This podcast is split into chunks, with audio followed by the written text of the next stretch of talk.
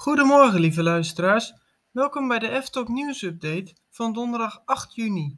Mijn naam is Michelle en ik neem u mee in het laatste nieuws over de wereld van de Efteling. In Anderrijk komt een duurzaam energiesysteem met een warmte-koude installatie. Dit levert een besparing op het totale gasverbruik op van circa 20%. Het theater Fata Grand Hotel, Fabula Vrouw Bolters Kuge en Dans Macabre zullen worden aangesloten op deze installatie, die ervoor zorgt dat deze gebouwen worden verwarmd en gekoeld zonder gebruik van aardgas. Ook zal de installatie door de Aquanura-vijver lopen. Hierdoor kan in de winter worden voorkomen dat deze bevriest en in de zomer zal de vijver worden gekoeld wat algvorming tegenhoudt.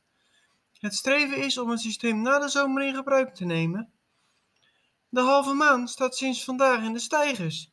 Eerder werden al decorelementen verwijderd nadat de attractie inmiddels vier weken dicht is vanwege een technisch mankement.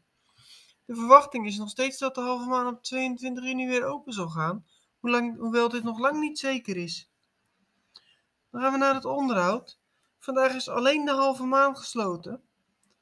Het park is geopend van 10 tot 6 en de Efteling verwacht een normale drukte. Dan het weer. Vandaag wordt het zonnig in de Efteling met een minimum van 12 graden en een maximum van 26. Dat was het voor vandaag. Bedankt voor het luisteren. Fijne dag en tot morgen weer. Toedeleokie.